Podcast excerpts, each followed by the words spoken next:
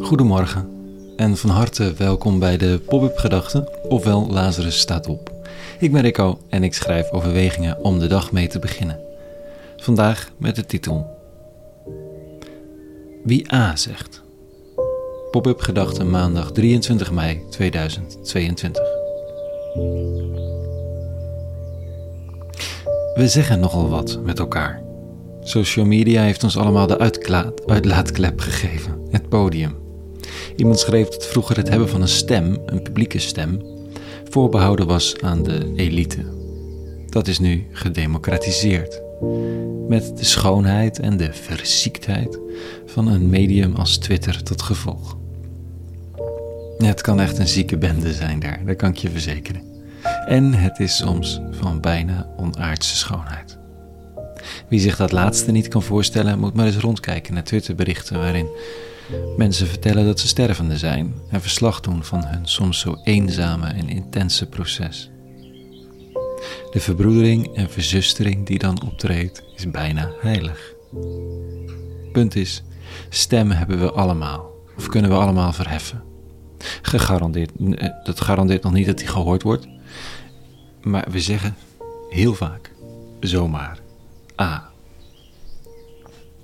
En dan zijn er dus van die momenten dat B om de hoek komt kijken, waar je dan met je goede gedrag eigenlijk niet meer omheen kunt. Je kunt het alleen uitstellen.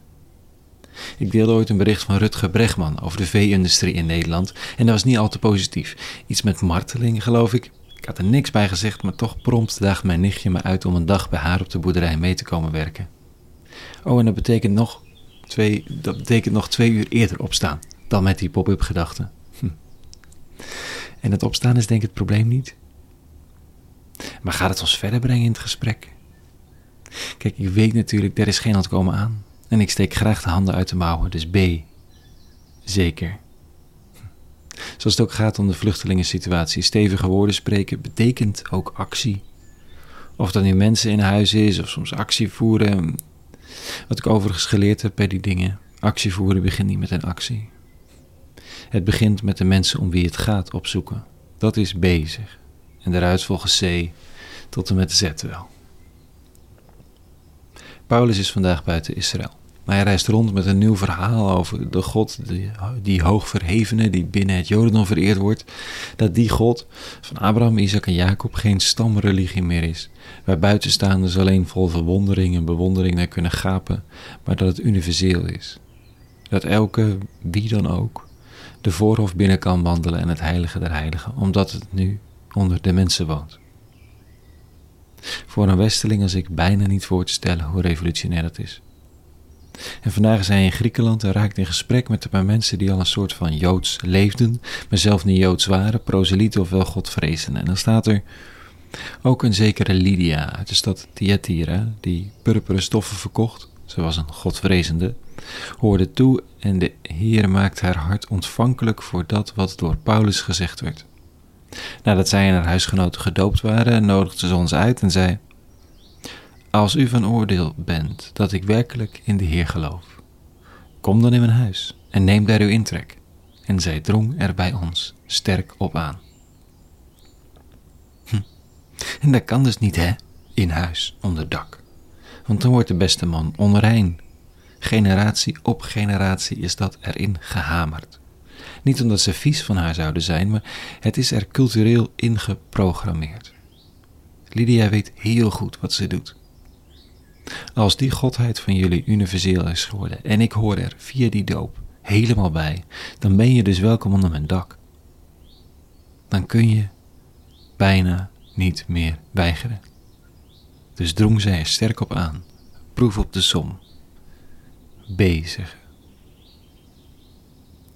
Ik maakte ooit, lang geleden alweer, een Facebookpagina met een welkom in onze straat voor een veroordeelde zedendelinquent. Hij had zijn straf uitgezeten, eindeloos therapie ondergaan, onder toezicht en alles, maar er was geen plek voor hem in de samenleving.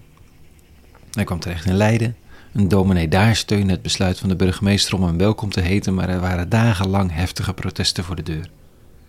Ik maakte die pagina als een soort proef op de som. Zou hij welkom zijn in onze straat. Want over de protesten werd met afkeuring gesproken en de vraag was of er dan ook iets positiefs gezegd kon worden als dus welkom in onze straat. Die pagina leverde veel ophef op, ten goede, ten kwade en na een week belde hij, Ben Noël. Dat hij het gevolgd had, alle ophef, dankbaar was en dat ik ook welkom was om bij hem koffie te komen drinken. Ik had de mogelijkheid niet eens overwogen. Ongelooflijk genoeg, achteraf gezien. En A en B zeggen horen dan bij elkaar. Ze zijn logisch en toch zijn ze een grote stap. Een grote, helende, heilzame, belangrijke stap. Voor mij was het lijden. En later, om andere redenen, allerlei tentdaken langs de grenzen van Europa. Voor Paulus ging het om een dak van Lydia in Thyatira, Griekenland.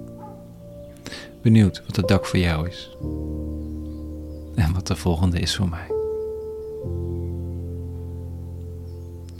Tot zover vanochtend. Een hele goede maandag gewenst.